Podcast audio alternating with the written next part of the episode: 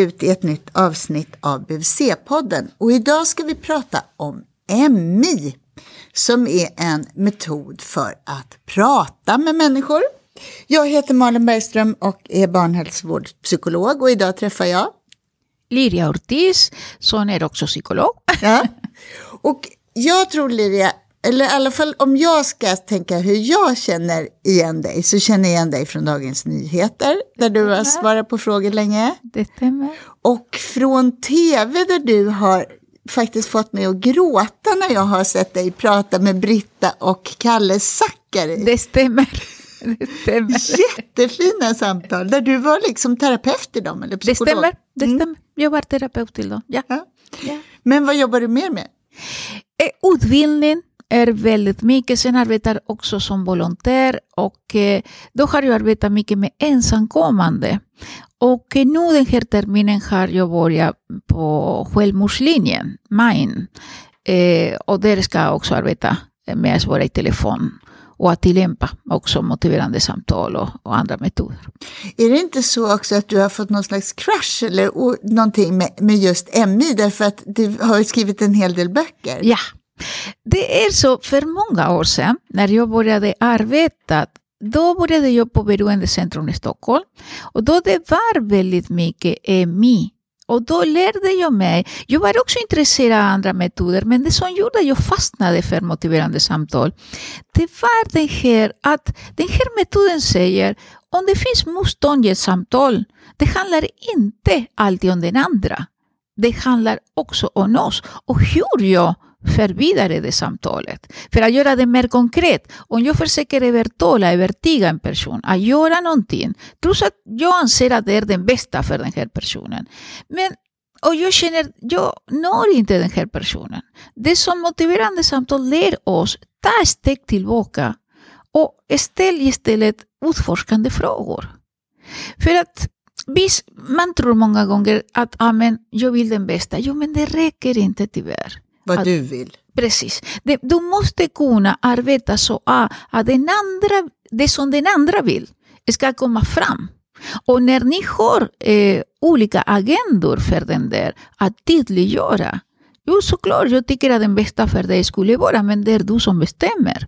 De allra flesta av oss vill ha det så. Att när, blir, när vi blir bemötta av andra, vårdpersonal, av olika yrkeskategorier, det som man lägger märke till mycket är bemötande.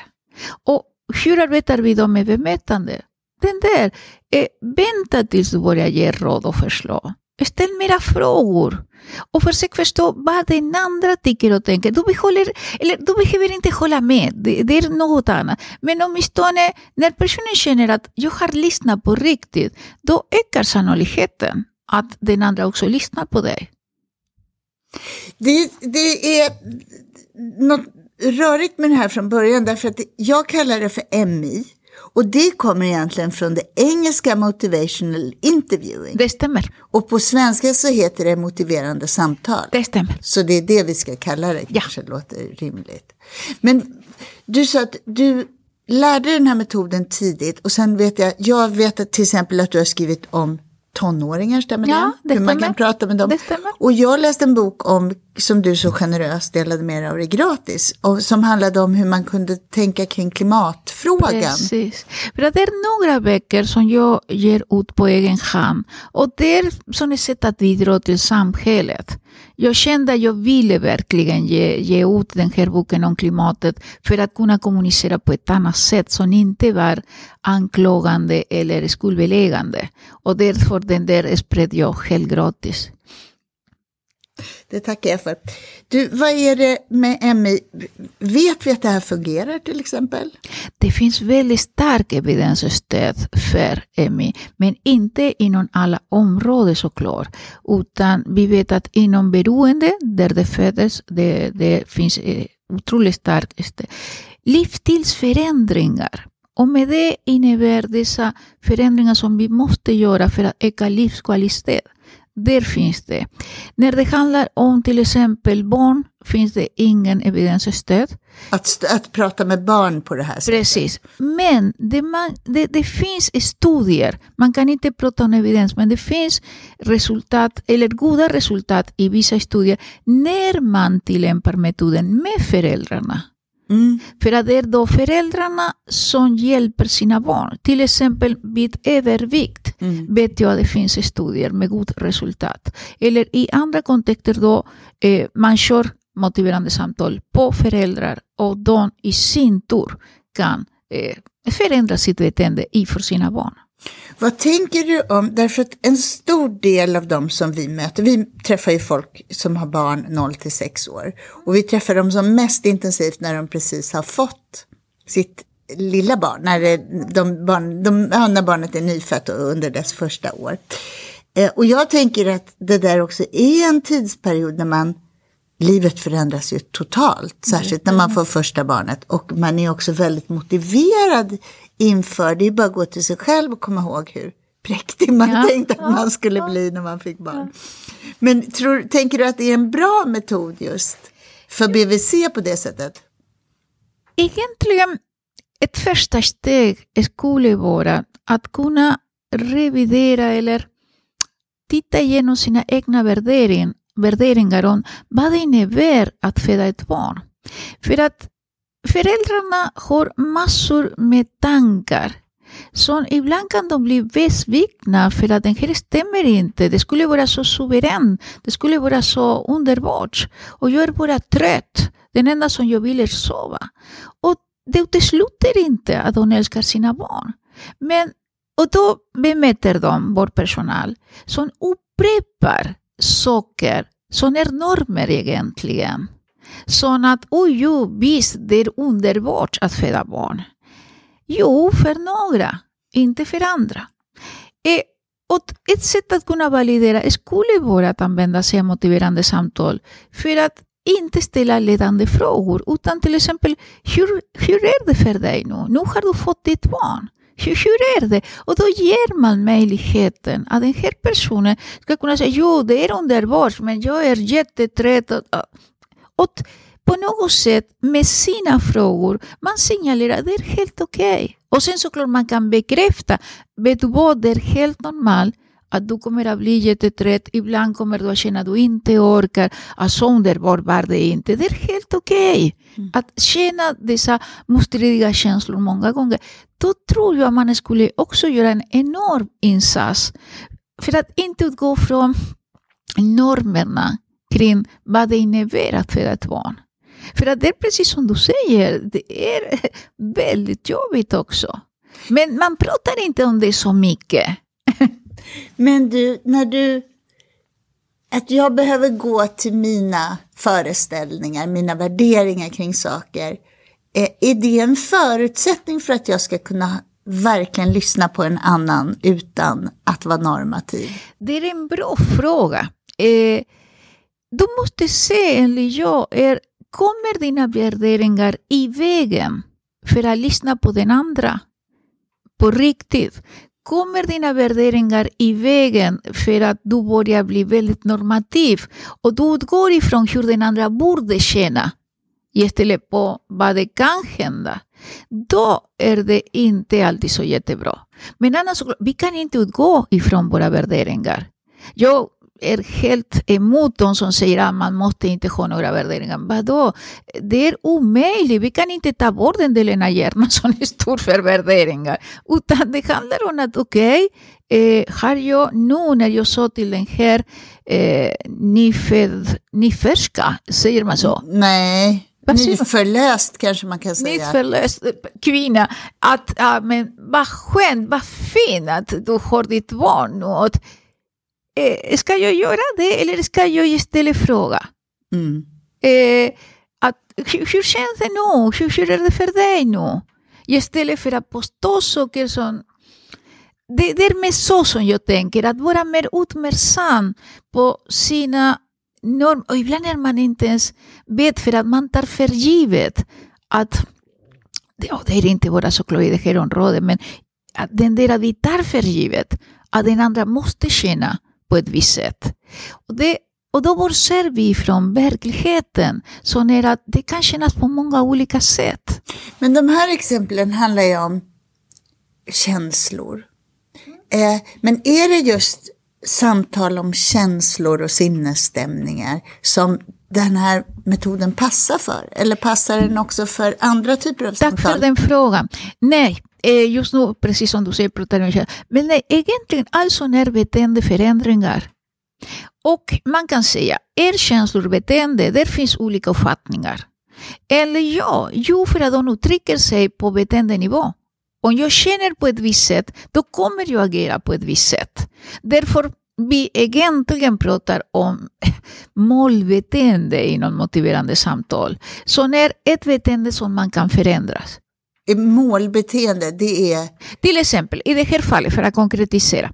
Säg att vad är målbeteende? Ja, jag påstår inte att det känns underbart att föda ditt barn. Utan målbeteende är, hur känns det för dig? Och målbeteende skulle vara att reda upp den där, att fråga mera.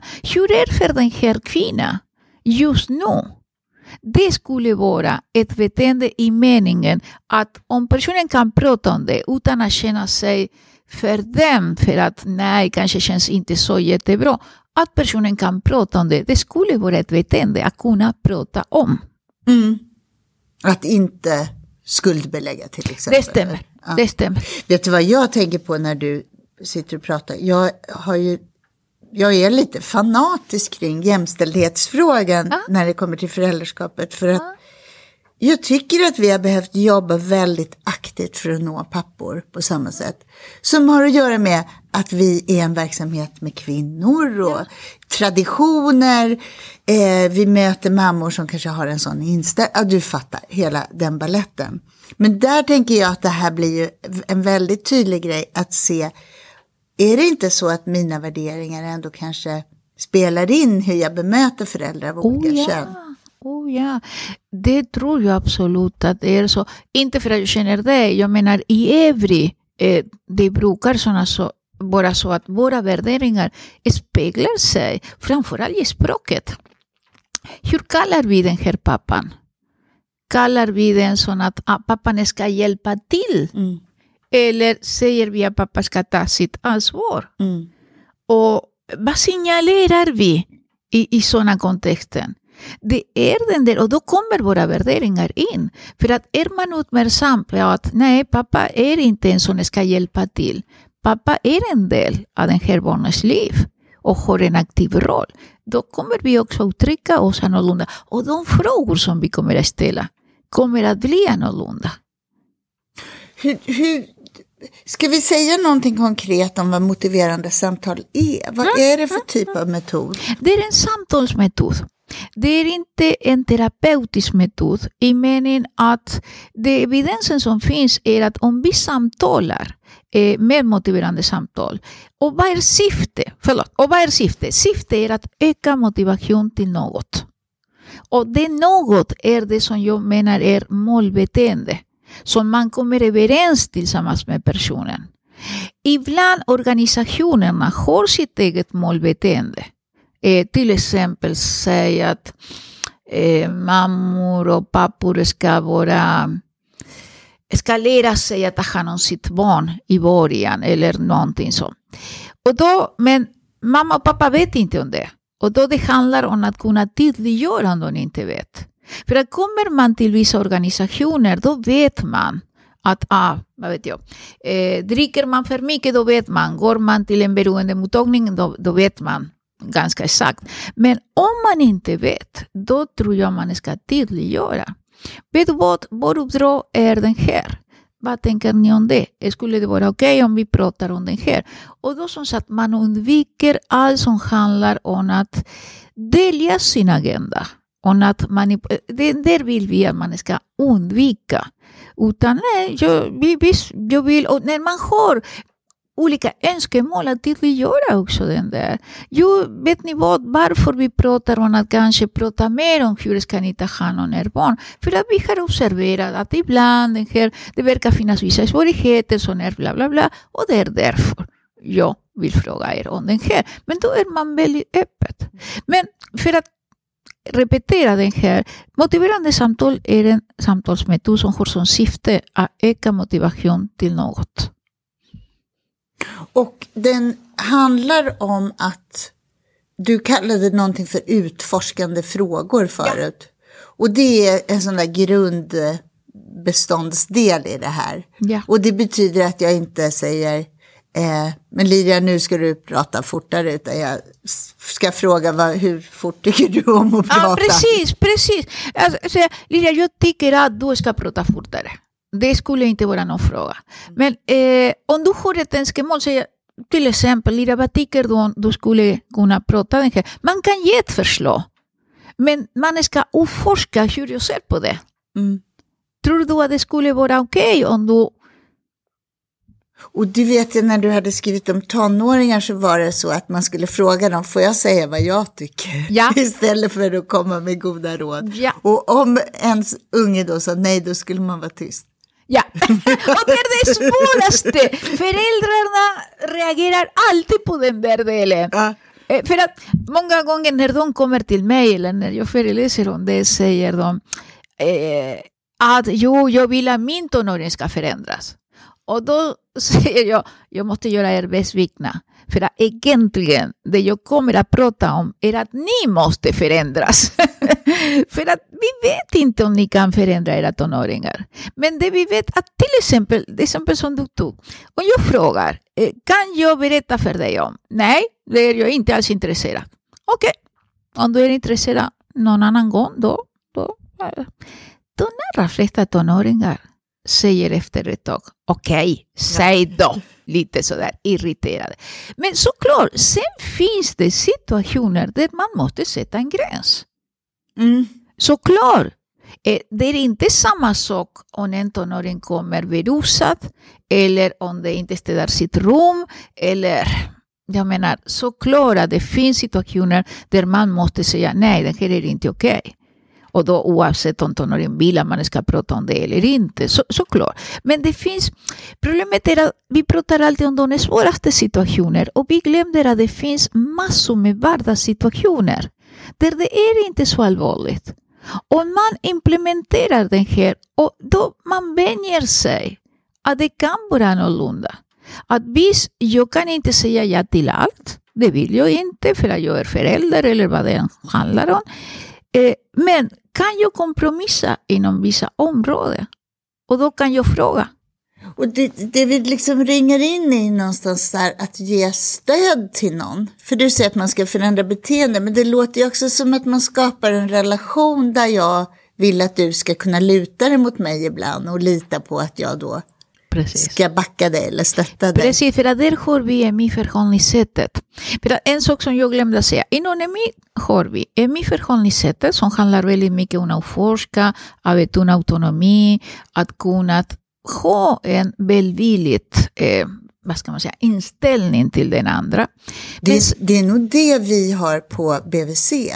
Precis, Mot, vad heter det för, för MI förhållningssätt? det stämmer. Det är det vi har. Precis. Och inte den metoden, det stämmer. Så Och använder har vi det vi- här som en samtalsteknik. Precis, och sen har vi liksom. massor med strategier.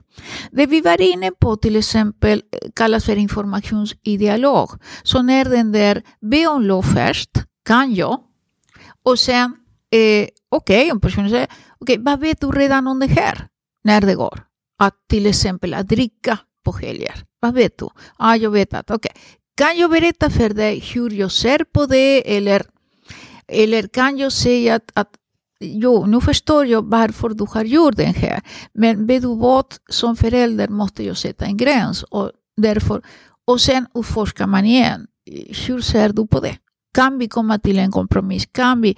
Och, som sagt, och där hittar man den där balansen att ibland måste man sätta en gräns och säga nej och det får vara så. Men det som fungerar många gånger mycket bättre är den här balansen mellan att sätta en gräns och samtidigt komma på kompromisser. Och att få med sig någon så att inte gränsen blir ett slag i ansiktet utan att Precis. det blir lite armkrok ändå. Ja, Men du, jag tänker på en annan sak. För du, du, du sa så här att man... som jag förstod så var det så här att man förklarar vad BVC är. Vi, vi kommer att ha hälsoövervakning på ditt barn och följa barnets utveckling och det kommer vi prata om. Och jag, en viktig roll för mig är också att stötta er. Vi vet att det är en jättestor omställning att få barn både första och femte gången. Och där vill jag finnas som en samtalspartner och en stöd Väldigt fin formulering. Så, det är vårt jobb liksom. Men jag tänker när du pratar på att man kanske kommer tycka att det här också, att man lovar för mycket. Ja. Att man liksom så här, "Åh, gulp, om jag ska gå ut med det här och då, att jag ska bli helt översköljd och drunkna i folks prat om Ja, saker. ja, ja. Och att jag kanske inte kan vara det där stödet som jag skulle vilja eller utlova eller så. Det kan jag tänka mig skulle i mig bli en hake. Det är en himla bra fråga för att då får du begränsa. Mitt stöd innebär att ni kan träffa mig, jag vet inte, några gånger eller att jag kommer att kunna. Eller, och då, samtidigt som man erbjuder sitt stöd, man tydliggör inom vilka områden eller på vilket sätt kan man göra det. Sen inom motiverande samtal det finns också ett annat verktyg som heter Menyagenda. När man frågar dem, föräldrarna, vad, vill, vad är det som oroar er? Vad är det som ni skulle vilja ha hjälp med? Okej, Okej, och då kommer massor med saker. Och sen när man ska göra en agenda, då kan man också sätta en gräns. Den här ser jag, bostad till exempel, som är en klassiker, ser jag det är väldigt viktigt för er. Samtidigt som vi kan inte erbjuda er hjälp inom det här området. Eller som sagt, de områden som man ser att jo, den här är vår uppdrag, den här kan vi hjälpa till. Eh, nej, vet du vad, den här, men om ni vill kan jag ge er ett telefonnummer eller hänvisa till eller men den här kan vi inte hjälpa till. Och då man tydliggör vad är det jag kan erbjuda och vad är det som jag inte kan erbjuda. Men såklart, för att inte babbla på, på allt som man inte kan erbjuda, då skulle jag rekommendera det här verktyget, för att då vet du från föräldrar vad är det de förväntar sig. Och då håller man fokus på det man är. Ja, men där man kan göra någon skillnad. Precis, för att där, eh, man väljer två, tre olika saker för att börja med. Och då det blir det som blir också ett mål i samtalet. Ah, ni vill. Och såklart, ibland om föräldrarna kommer med något annat, något annorlunda, då kan man omvärdera, förändras. Men åtminstone man har gjort tydligt vad är det vi erbjuder och vad det är som vi inte erbjuder. Och det är en lättnad många gånger för dem som är eh, vårdare, men också för föräldrarna. De vet vad de kan förvänta sig. Jag tänker på en, ett klassiskt scenario på BVC och som jag också kan tänka på mig själv. Alltså till exempel om jag som mamma ska sluta amma. På ett sätt vill jag det, på ett sätt vill jag inte det, men det är också Ja. gulligt. Och på ett sätt är jag rädd att min bebis ska bli ledsen. Ja, du fattar det där. Är det här en metod som du tänker skulle kunna tillföra någonting då? För där kan man ju, alltså det är ju så velig situation. Jag vet ju inte vad jag är motiverad till. Liksom. Det är intressant, för att det kallas vi för ambivalens. Det vill säga att, ha motstridiga känslor och tankar kring någonting. I det här fallet, ah, ska jag sluta, ska jag inte sluta? Men, och då gör vi det vi kallar en ambivalensforskning. Som innebär att man, man pratar om fördelar och nackdelar med det. Men då det är personen själv vi ställer frågor, men det är personen själv som ger. Så, ah, okay. Vad är en fördel? Där, bla, bla, bla. Vad är en nackdel? Bla, bla, bla. Och sen efter det, okej, nu när vi tittar på de här sakerna, vad tänker du nu? Eller hur ser du på det? Känner du att du är närmare ett beslut? Vill du fundera ytterligare eller något annat? För att ibland, ambivalens och forskningen leder inte alltid till att man löser ambivalensen. Men det som tydliggör är att argumenten blir tydligare för personen. Jag, jag, jag är med på det. Eh, jag bara tänker att ibland så tror jag att det under en sån ambivalens också ligger föreställningar som till exempel det är ändå livsfarligt för barn att jag slutar amma. Alltså sånt som jag kanske knappt har formulerat för mig själv. Men jag har en väldigt stark känsla i mitt omsorgssystem av att jag borde ändå gå bebisen till mötes jämt eller så. Kan man komma åt sånt också? Eller Jo, det... men det är väldigt bra och intressant det du säger, för att då är det inte ambivalens. Du har en bestämd uppfattning. Förklara mig bättre. När du är ambivalent är för att du har motstridiga känslor och tankar. Du har den tanken, men du har andra också. Och det är det som du går fram och tillbaka. I det här fallet som du beskriver nu, då skulle vi kunna säga att, att personen har en stark rädsla som väcker motstånd mot att sluta hamna till exempel. Och då arbetar vi med att bekräfta personen. Jo, eh, det kan vara så, eller kan jag berätta för dig? Och då kan vi informera ibland. Vet du vad, din rädsla är helt rimlig, så klarar man inte vet många gånger man kan vara om man vill inte göra sitt barn ledsen eller vad det handlar om. okay. är det okej om jag berättar vad vi vet? Ja, det vi vet är att och vad tänker du nu? Återigen, då kommer vi till information i dialog för att kunna, personen ska kunna ta sitt beslut senare. Men då ökar sannolikheten att personen åtminstone ska kunna först bli lyssnad på sina rädslor Mm. och många gånger den där kan vara otroligt hjälpsam för att ah, okej, jag är inte ensam i mina rädslor. Nej, det är du inte. Det är väldigt vanligt för att bla bla bla. Och sen, men jag kan berätta det vi vet kring det här ämnet. Och sen tar man upp, för att man tar upp diskussioner på en annan nivå. Man hjälper personen i den känslomässiga bearbetningen av sina rädslor. För att det är helt normalt att man är rädd för massor med saker som man kan göra fel. Och, eller man kan låta bli att göra och så vidare. Och jag tänker bara att om jag hade varit i den situationen och fick chansen att våga säga det där som låg under, alltså den rädslan, då hade nog mycket kommit på plats om jag hade vågat prata om det. Alltså sådana, den föreställningen. Men det De som arbetar med den här målgruppen har en jättestor tillgång till kunskap. Jag menar, det är väldigt sällan som vi pratar om våra rädslor helt öppet. Men känner man målgruppen, då kan man säga, om man anar att det kan vara, då kan man fråga, såklart vet jag inte om det gäller dig, men ibland är man rädd för, kan det här stämma? Du menar att du skulle kunna hjälpa mig att få Precis. syn på det som jag har Precis. inom mig. Därför att du har träffat hundra andra som skulle sluta amma. Precis. Och du vet att det finns vissa frågor som återkommer.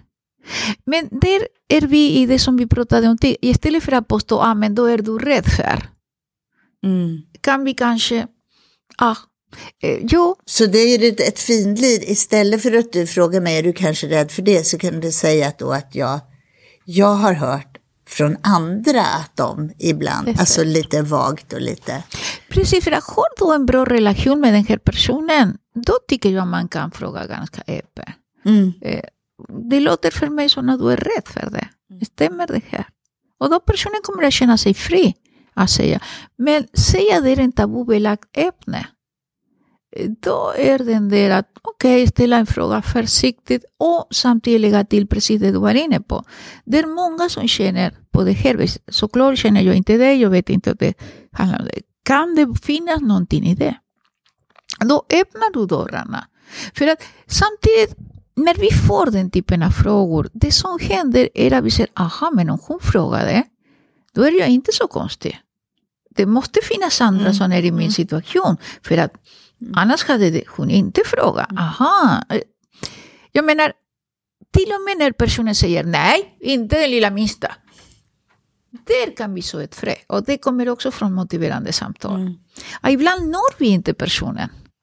Men okej, kan vi så ett frö som kanske ger frukter längre fram. Det vet vi inte. Och såklart, den här gäller inte när man måste omhänderta ett barn och så vidare, för att den där frågan har jag fått många gånger. Nej, såklart, om det är en akut situation ska du inte göra det, utan du ska rädda barnen och det är någonting som du har kommit fram att det här barnet riskerar, vad vet jag. Ja, det är klart man måste vara tydlig ibland och man måste ta ett medicinskt ansvar. Precis, och, precis. Och så. så Det ju- det, det handlar inte om sådana situationer. Men det finns återigen enorma mängder med andra situationer där det här verktyget kan användas. Alltså ett frö, okej, personen är inte redo att prata om det just nu. Eh, säg, man misstänker att den här personen är utsatt för våld. Det finns någonting, man kan inte sätta ord på det. Okej, hur närmar jag mig? Hur pratar jag om det här? Och all den där som sa många gånger i tabubelagda frågor, den första svaret brukar vara nej. Mm. Men om man sår ett frö, åtminstone har man signalerat, det är någonting som jag ser. Såklart kan jag inte påstå den här, men Men det betyder att i den här metoden så krävs det ändå någon slags finlir i mig, att jag måste känna av hur försiktig Ja. eller uppriktig jag ska vara i olika lägen. oh ja, oh ja. Den där är det jobbigaste med motiverande samtal. Folk vill många gånger att jag ska ge väldigt konkreta meningar. Och, och visst, jag kan göra det. Men man måste alltid anpassa dem. För att det, det fungerar inte att säga på samma sätt alla gånger till alla personer. Utan okej, det finns en grund som du kan utgå ifrån. Men sen måste du känna efter. Och här kommer något annat som kan vara jätteintressant, som egentligen inte bara tillhör eh, motiverande samtal.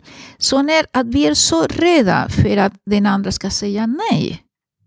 Och då det känns som att jag har inte gjort någonting för att hjälpa till. Och det stämmer inte. Jag förklarar mig bättre. Säg att du frågar, ah, Liria, är du satt för våld? Nej, inte den lilla minsta. Och då den personen som bemött mig blir rädd. Aj, men vilken dum fråga Mm. jag ställde. Aj, tänk att bla bla bla och så vidare.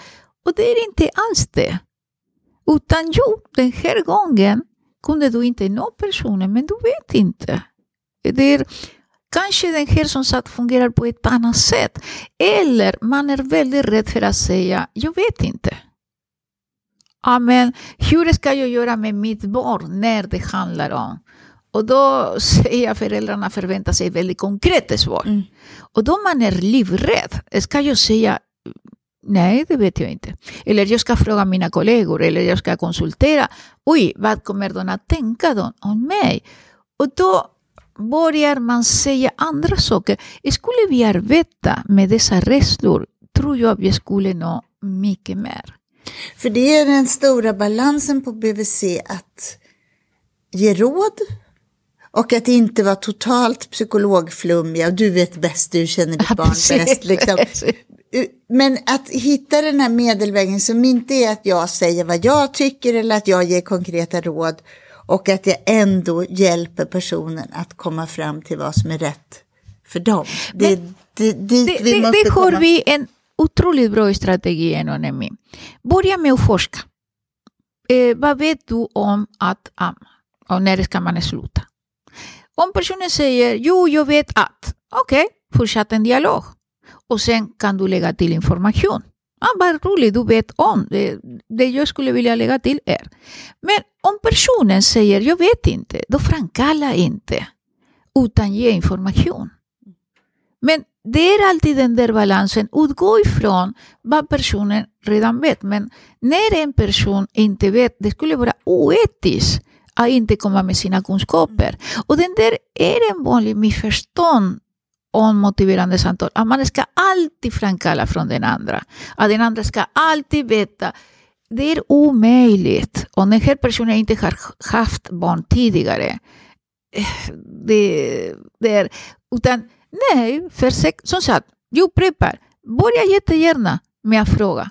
Ah, vad, vad, vad tänker du själv? Vad skulle... ja, jag har ingen aning. Ah, men då, jag berättar gärna och sen får vi en dialog kring hur skulle vi kunna anpassa den där. Och då, Mm. och då får man den där balansen mellan att personen måste inte komma på allt själv och att du behöver inte ge all råd i början eller på ett sådant sätt som personen känner sig invaliderad eller något annat. Så utforska och sen personen kan inte, då ge information.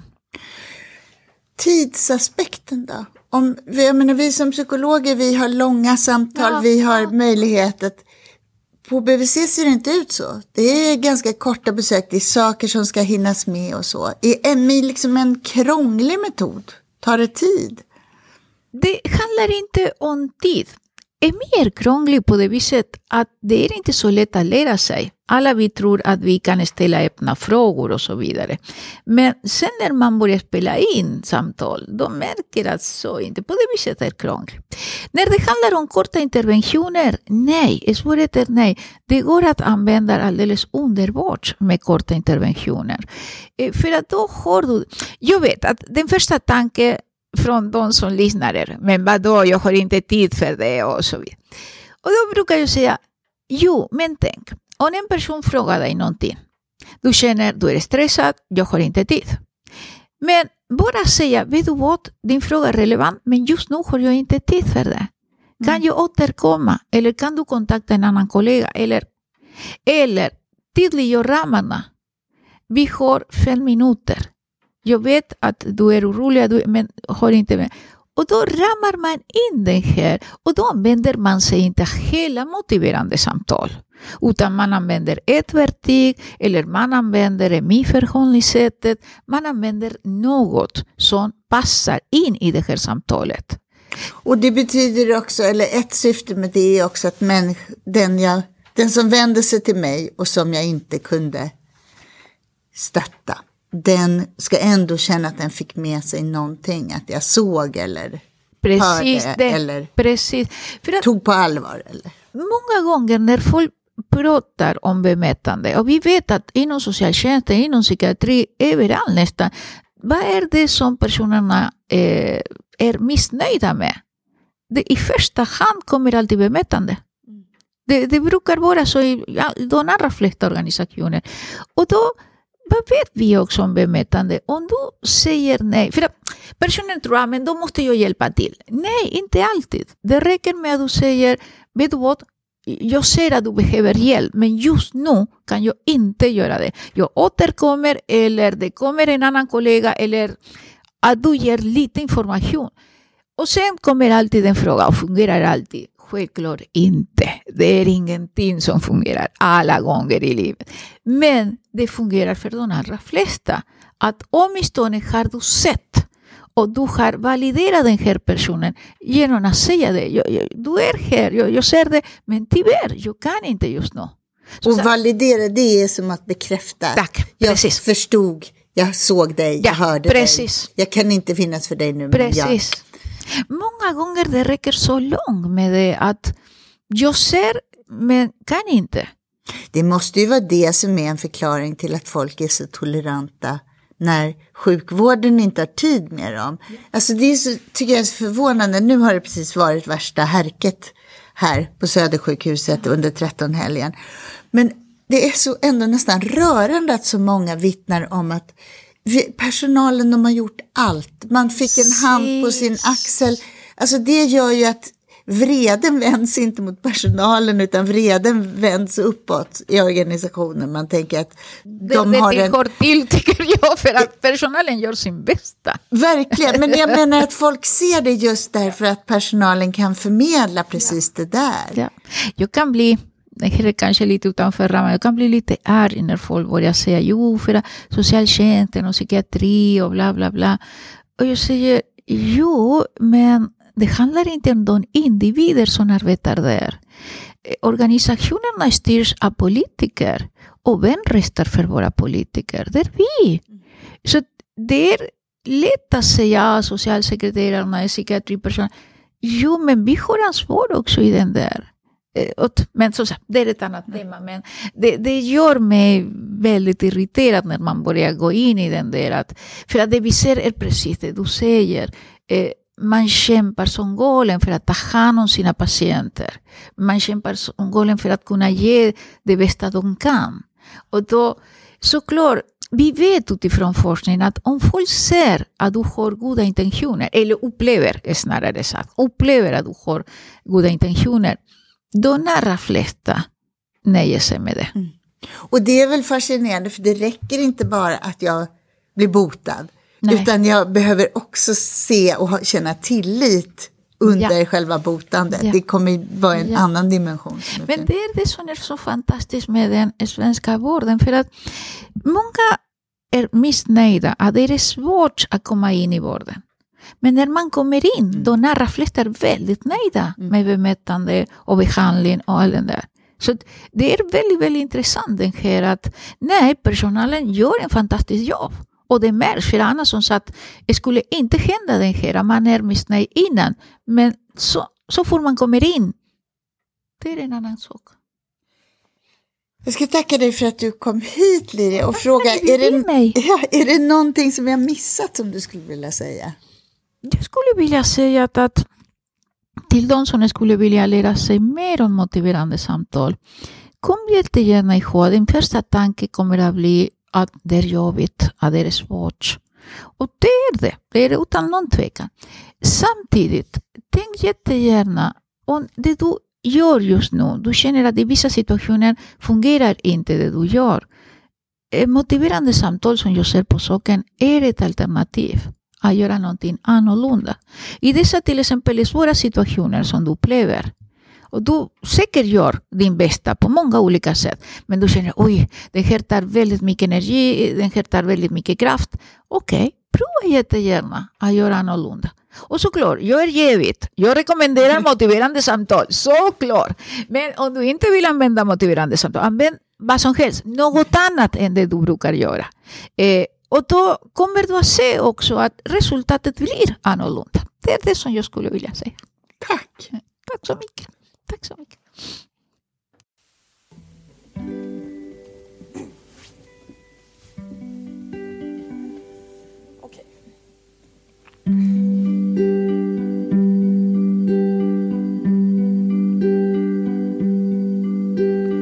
Födde barn till Björn Olsson Solen bröt fram precis när mitt barn kommit ut. Låg i en pöl av svett och blod. Barnmorskan sa, jag såg din spelning på Luleå kultur. Fåglarna sjunga om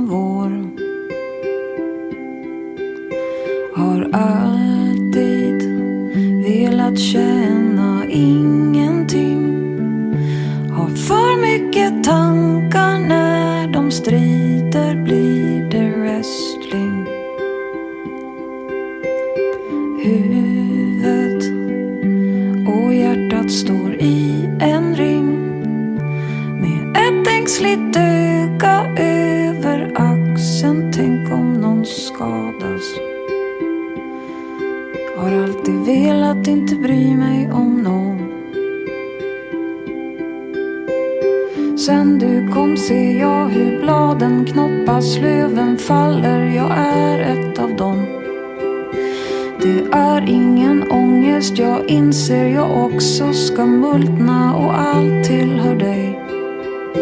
Ser himlen åter bli grå.